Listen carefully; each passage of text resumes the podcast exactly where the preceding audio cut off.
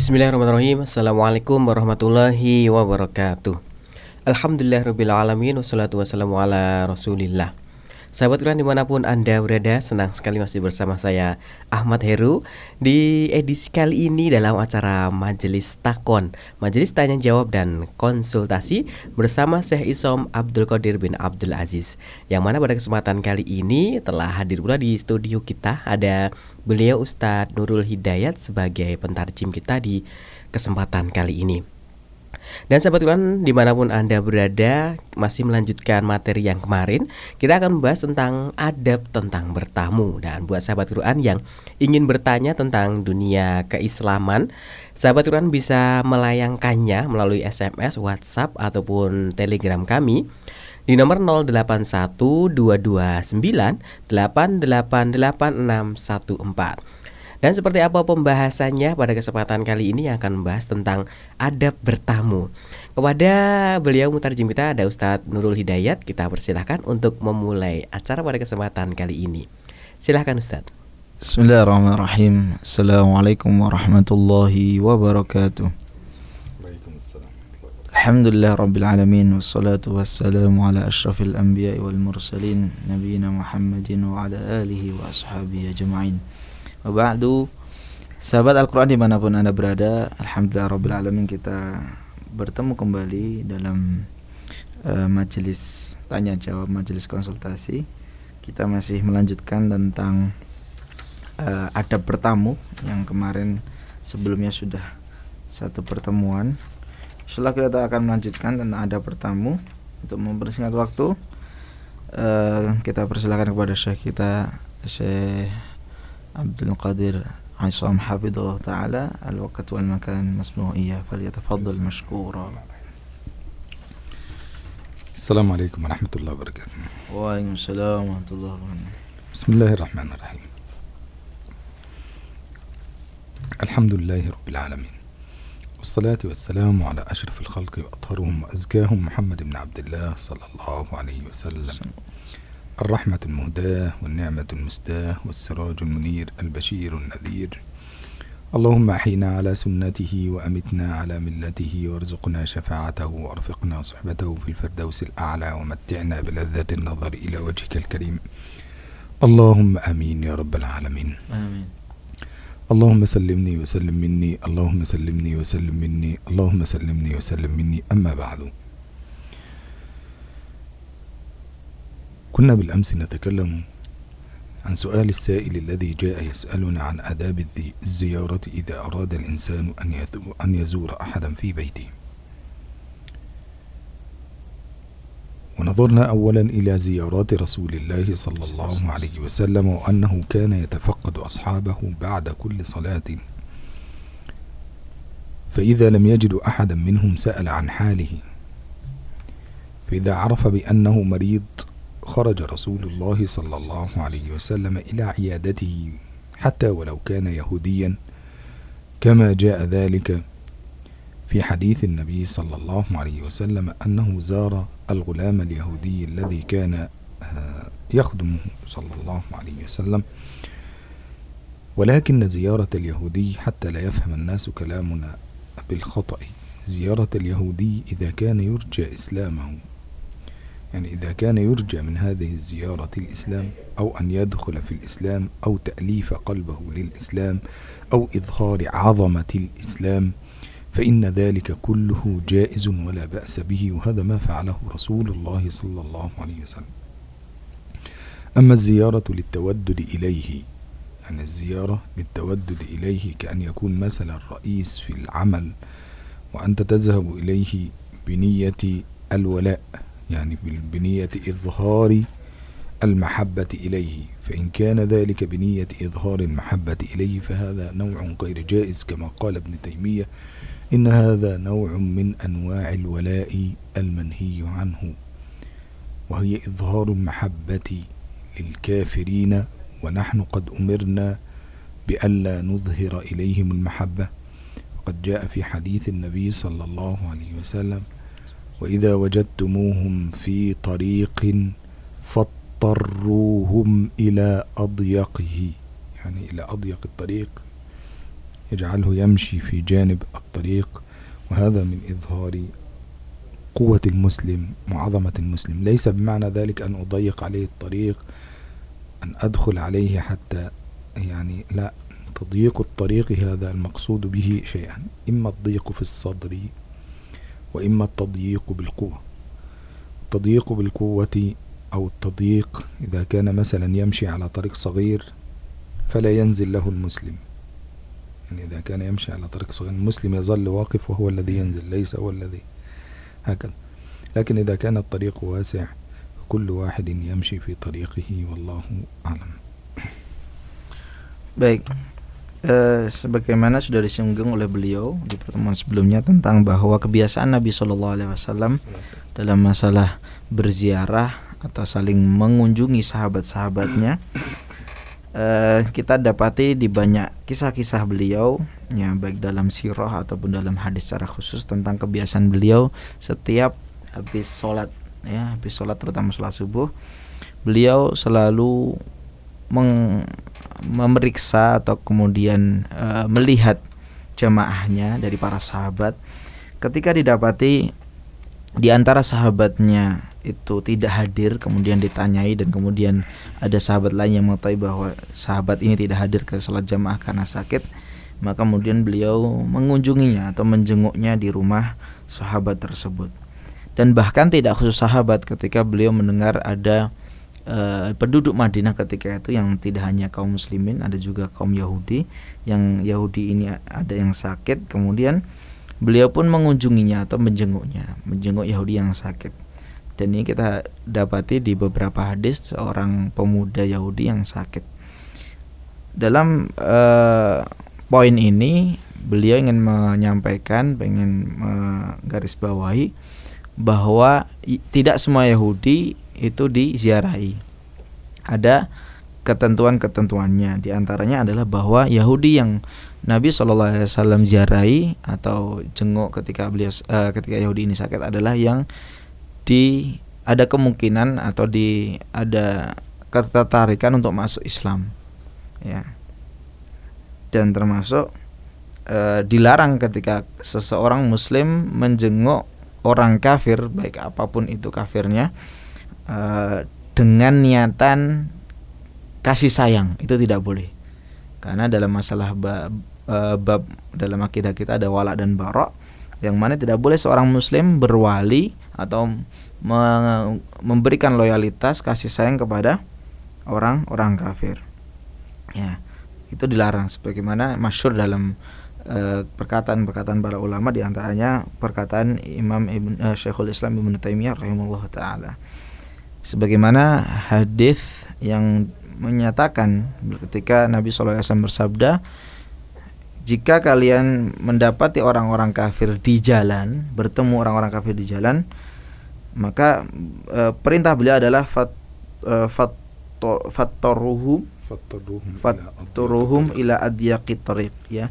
Bahwa perintah Nabi SAW adalah agar kita menyem, e, apa namanya menyempitkan jalan. Artinya ketika misal di jalanan itu adalah jalannya adalah gang sempit kemudian kita berpapasan dengan orang, orang kafir maka tidak boleh kemudian kita uh, istilahnya uh, minggir atau kemudian turun dari jalan itu agar mereka lewat itu tidak boleh. Ya, ini sebagai bentuk izah uh, kemuliaan agama kita dan kemuliaan seorang muslim tidak boleh kita kemudian merendahkan dengan cara seperti itu. Dan termasuk maksud dari menyempitkan di sini adalah uh, bisa secara makna tadi dohir atau juga bisa secara makna adalah untuk ketika berjalan dengan mengagungkan keislaman, bersyukur atau kalau bahasa kan kita uh, mengutip mengutip ayat isyadu bi muslim artinya uh, apa uh, merasa bangga dan kemudian merasa terhormat dengan keislaman. Maka kemudian uh, agar mereka ini orang-orang kafir ketika bertemu dengan orang-orang beriman itu merasa mereka uh, terhinakan. Ya, ini sebagai bentuk uh, menunjukkan kemuliaan Islam dan kaum muslimin. ويمكن أن نذهب إلى شيء آخر وهو الذي تكلمنا فيه بالأمس أيضا. وهو أن الإنسان إذا أراد أن يزور مريضا فعليه أن يستحضر النية وأن يكثر من عدد النيات. كما قال الشافعي اعملوا للعبد اعملوا أو إنوا للعمل الواحد سبعين نية. على الإنسان أن يكون له للعمل الواحد سبعين نية. بل أكثر يعني قد زاد بعضهم أنه قال سبعمائة نية افعل الخير اجمع النيات كثيرة فإذا نويت زيارة أحد فانوي زيارة الأقارب وصلة الرحم وانوي بها الزيارة في الله وانوي بها عيادة المريض وانوي بها إدخال السرور على قلب مسلم. كل هذه النيات أنت آه، مأجور فيها. لكن الحقيقة أن الناس يستخدمون هذا الأمر بطريقة ليست جيدة. وهذا الذي نبدأ به هذا اليوم. أن تكون يعني يستخدم مسألة النية والزيارة وصلة القربة وهذه الأشياء. طبعا أنا لا أعرف المجتمعات عندكم جيدا لكن يعني عندنا ممكن تجد الواحد يزورك في البيت هذا اليوم بعد صلاة المغرب أو بعد صلاة العشاء. يعني غالبا يكون في الأوقات المنهي عنها يعني. يعني ممكن تجد واحد يزورك بعد صلاة الصبح. واحد يزورك بعد آه، آه، في وقت القيلولة من الظهر إلى العصر هكذا. وواحد آخر يأتيك بعد صلاة العشاء. المشكلة ليست هنا. المشكلة أنه جاء هذا اليوم ثم يأتي غدا ثم يأتي بعد غد ثم يأتي بعد غد ثم بعد خلاص أصبح يومه أنه يأتي إلى بيتك كل يوم. غير هذا كأن بيتك هذا مثل المطعم هكذا أو البوفيه المفتوح هكذا نقول هكذا مثل مطعم أو بوفيه مفتوح.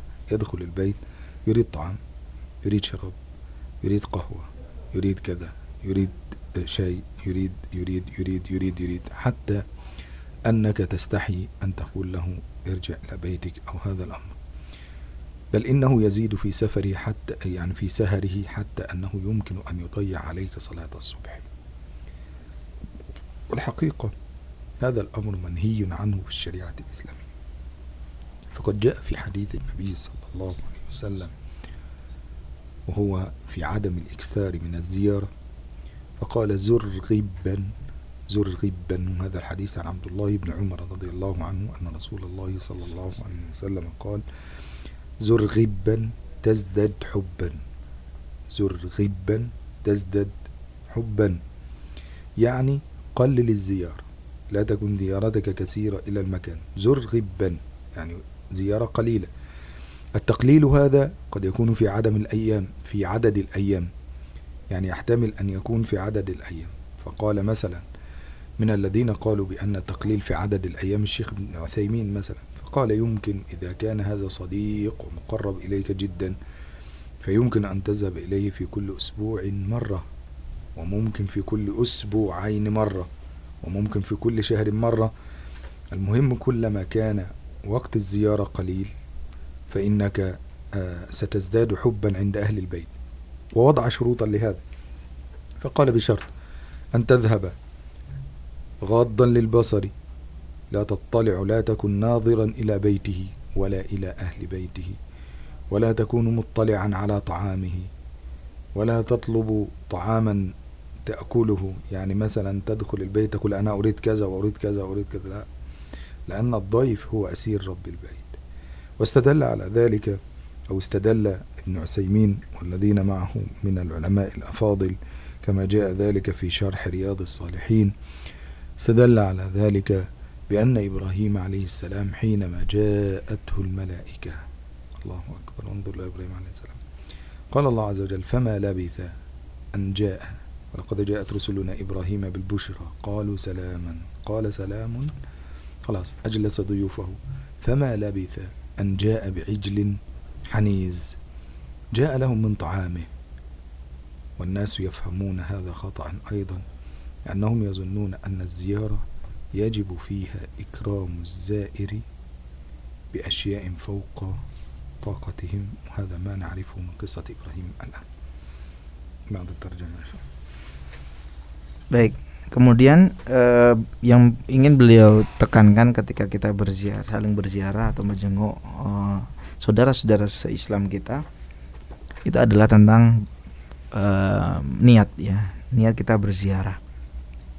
Bahwa niat kita berziarah itu eh, kita usahakan untuk dengan niatan-niatan yang baik yang niatnya itu bisa diperbanyak. Artinya tidak hanya ziarah saja. Di situ bisa saling menasihati atau kemudian saling uh, tabayun misalnya. Atau, atau niat-niat baik yang lainnya. Ini sebagai bentuk bagaimana para ulama mengatakan uh, bahwa niat ini adalah sesuatu yang sangat penting dan di antaranya Imam Syafi'i mengatakan bahwa bisa jadi satu amalan yang kebaikan satu amalan itu bisa dengan 70 niat ya sab'ina niyah. Ini agar apa? Agar amalan kita ini berkualitas ya bisa jadi amalan sama tapi hasilnya berbeda karena niatnya pun berbeda. Dan kemudian termasuk uh, hal yang ingin beliau uh, tekankan juga tentang adab-adabnya di antaranya adalah waktu kita berziarah. Bahwa uh, adab dalam syariat kita ini ada berkunjung itu ada waktu-waktu yang uh, istilahnya memang secara umumnya manusia di waktu-waktu itu adalah waktu-waktu yang uh, istirahat waktu-waktu di mana uh, sahibul bait itu membuka auratnya ya. Misal memang sebelum subuh ba'da isya atau uh, di istirahat siang ya. Bisa jadi pada duhur sebelum asar.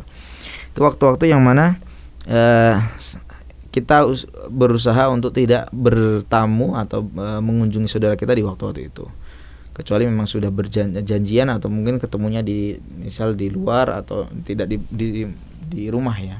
Itu yang jelas kita meng, menghindari waktu-waktu itu untuk bertamu.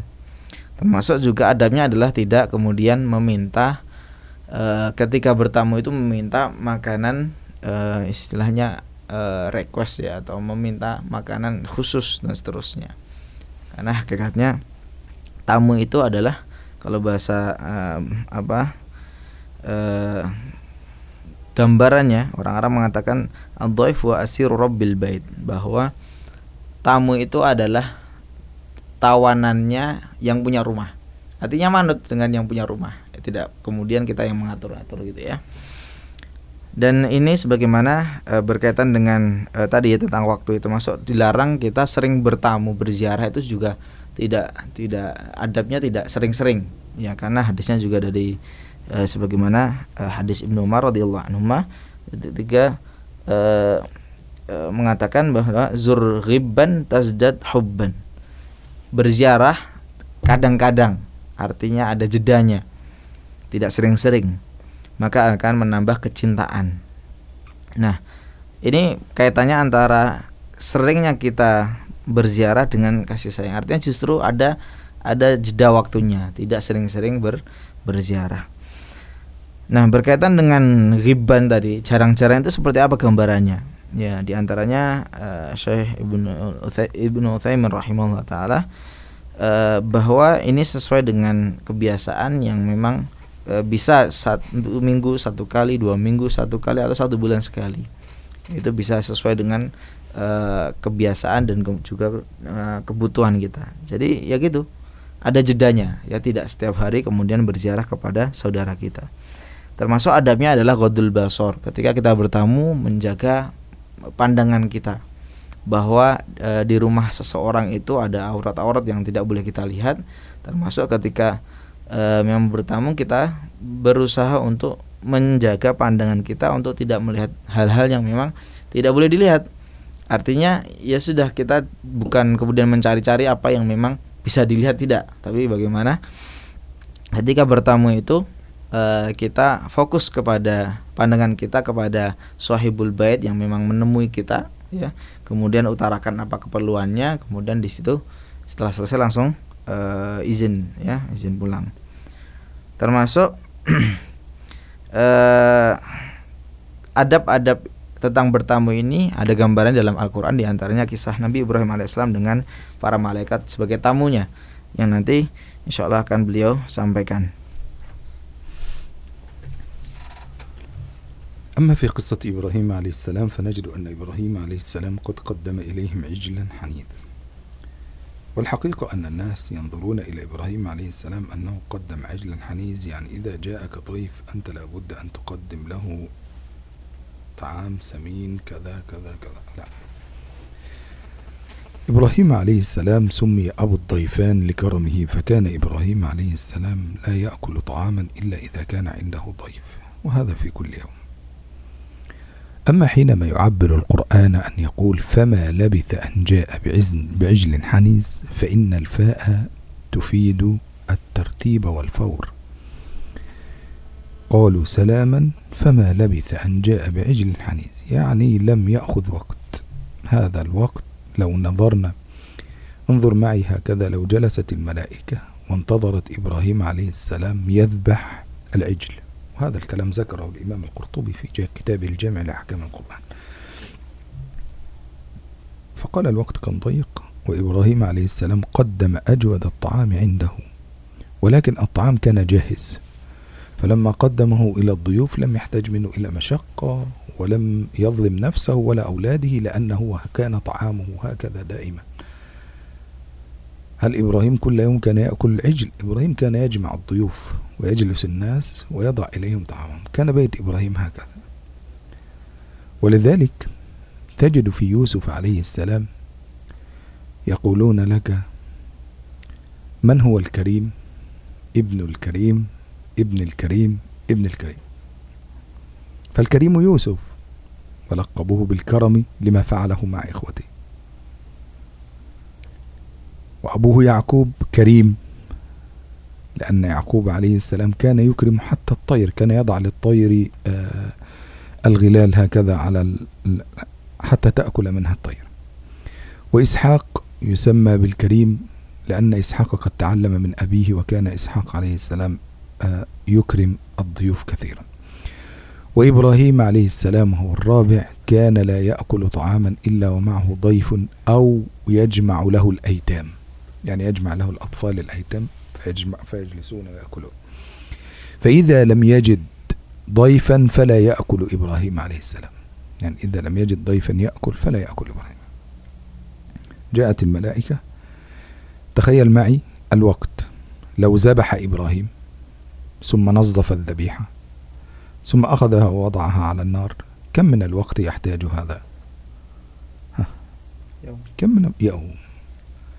هل يجوز لك أن تجعل الضيف يجلس يوما كامل؟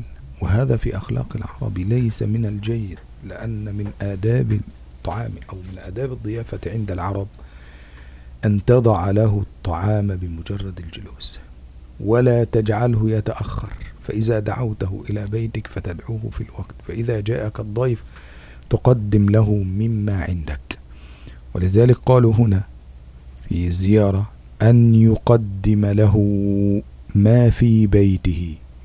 والمثل في البلاد العربي أو في كتب في اللغة العربية في كتب الأمثال يقولون الجود من الموجود. الجود من الموجود. ما معنى الجود من الموجود؟ أنا أقدم لك أجود طعامي مما هو موجود في بيتي. هذا هو ما عندي. وبالتالي حينما ننظر إلى هذه القضية فنجد أن الناس يفهمون هذا الأمر بطريقة خاطئة. تجد الرجل يأتيه ضيف ينفق خمسة مليون عشرة مليون من أجل هذا الضيف. بعد أن يمشي الضيف يبدأ يستدين من الناس. اعطيني دين اعطيني كذا اعطيني كذا. هذا في الشريعة الإسلامية غير غير مستحب. بل هو يأكل من طعامك ويشرب من شرابك. وقد جاء ذلك عن النبي صلى الله عليه وسلم. في الضيف الذي جاءه وصلى مع رسول الله صلى الله عليه وسلم صلاة العشاء. ثم يريد أن أو ينصرف. فقال رسول الله صلى الله عليه وسلم وأرسل إلى نسائه. هل عندكم طعام؟ فكلما أرسل إلى امرأة تقول ما عندنا إلا ماء. يرسل إلى زوجاته التسعة هل عندكم طعام؟ ما عندنا إلا ماء. فقال من يضيف هذا الرجل هذه الليلة؟ لأنه لا يوجد شيء في بيته. لم يأخذ الضيف؟ لم يأخذ الضيف؟ ويذهب إلى بيته؟ ويستدين فلوس؟ ويفعل كذا؟ لا. قال من يضيف هذا الرجل؟ أخذه الرجل وذهب إلى بيته فنادى على زوجته هل عندكم طعام؟ قالت ما عندنا إلا كسرات من الخبز. كسرات صغيرة من الخبز. كنت أعدها حتى نأكلها مع الأولاد. قال أين الأولاد؟ قالت لقد ناموا. حينما تأخرت في صلاة العشاء فإنهم قد ناموا وأنا أخذت أعللهم حتى ناموا حتى ترجع. فقال إن معي ضيفا. قالت يا رجل ليس عندنا إلا كسرات من الخبز. فحقيقة الرجل كان ذكيا جدا. فقال إذا أدخلت لنا الطعام فأطفئي السراج. أطفئي ال ال ال النار التي أطفئها اجعل الجو مظلم. وأنا سأضع الطعام أمام الرجل فيأكل هو وأنا أفعل كأني أكل معه حتى يشبع من طعامي فأكل الرجل من كسرات الخبز حتى شبع. فلما ذهب رسول الله صلى الله عليه وسلم ذهب الرجل إلى صلاة الصبح عند رسول الله صلى الله عليه وسلم فنظر إليه رسول الله وتبسم. وقال ماذا فعلتما بصاحبكما هذه الليلة؟ ماذا فعلتما بضيفكما هذه الليلة؟ قال يا رسول الله لما فعلنا فعلنا كذا وكذا وكذا. فقال له رسول الله صلى الله عليه وسلم إن الله قد تعجب من فعلكما بصاحبكما. ومعنى أن الله عز وجل يتعجب لكان الإنسان لا يتعجب إلا حينما يفرح أو يرى شيئا. جيدا فإن الله عز وجل قد فرح بعبده لما قدم لضيفه من كسرات خبزه ومن طعامه الموجود في البيت.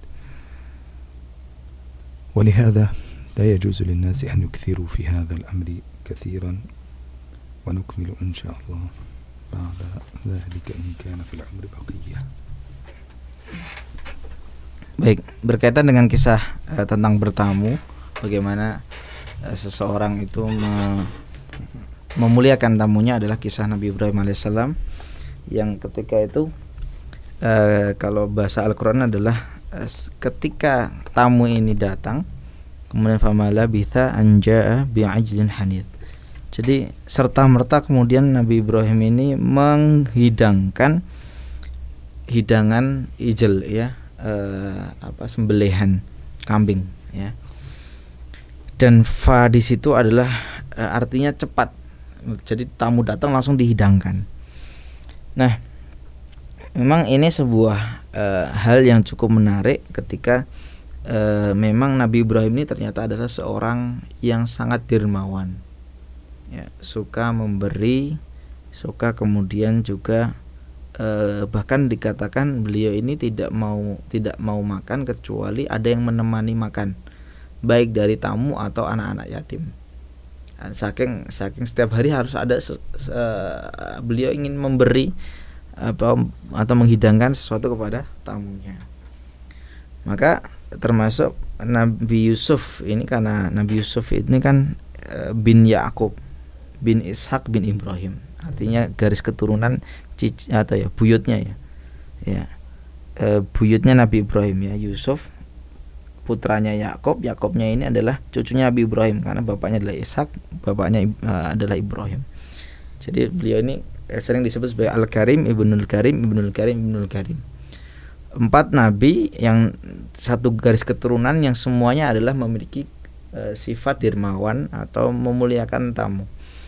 Yusuf alaihissalam yang mana di antara kemuliaan beliau adalah kepada teman-temannya yang mana ketika beliau sudah uh, menjadi seorang menteri dan seterusnya beliau uh, membantu atau meng, menjamu saudara-saudara yang dulu sudah bermakar keburukan kepadanya.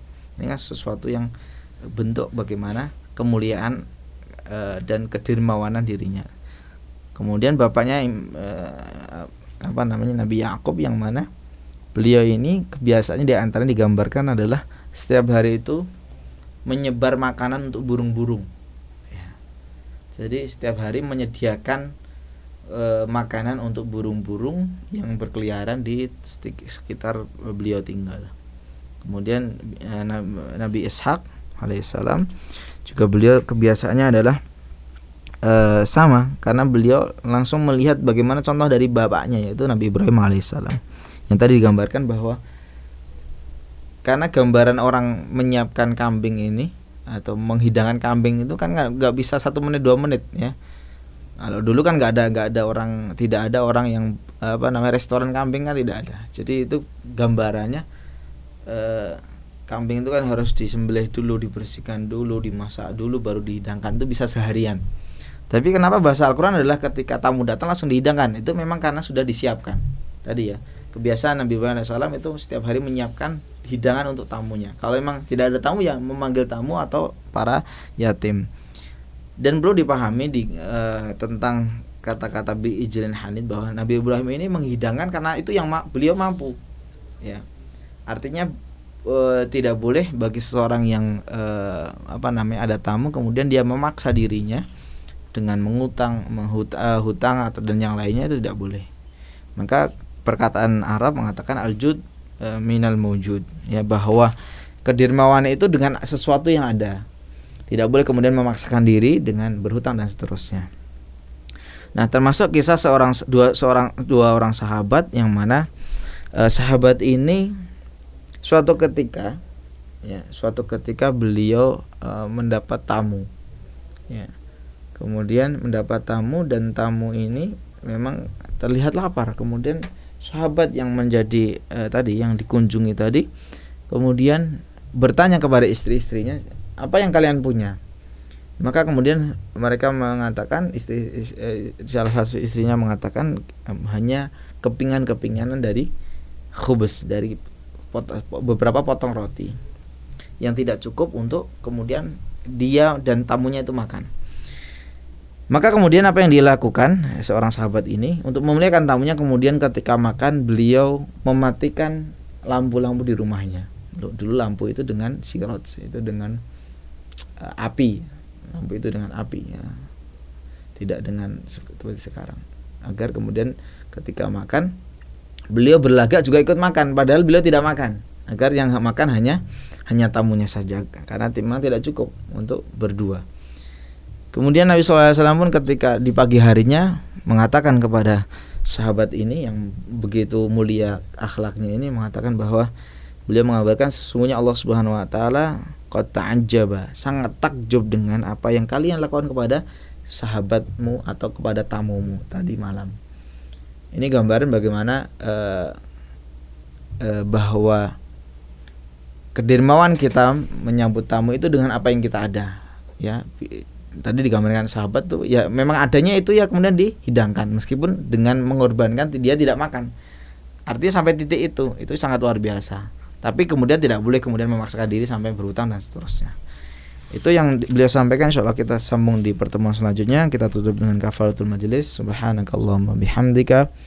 Asyhadu an la ilaha illa anta astaghfiruka wa atubu warahmatullahi wabarakatuh Sahabat Quran di mana pun Anda berada Demikian tadi majelis takon Majelis tanya jawab dan konsultasi Bersama Syekh Isom Abdul Qadir bin Abdul Aziz Dan pentarjim kita Ustadz Nurul Hidayat. Yang mana pada kesempatan kali ini Membahas tentang ada bertamu Yang insya Allah akan dilanjutkan di episode berikutnya Karena belum selesai pembahasan pada kesempatan kali ini.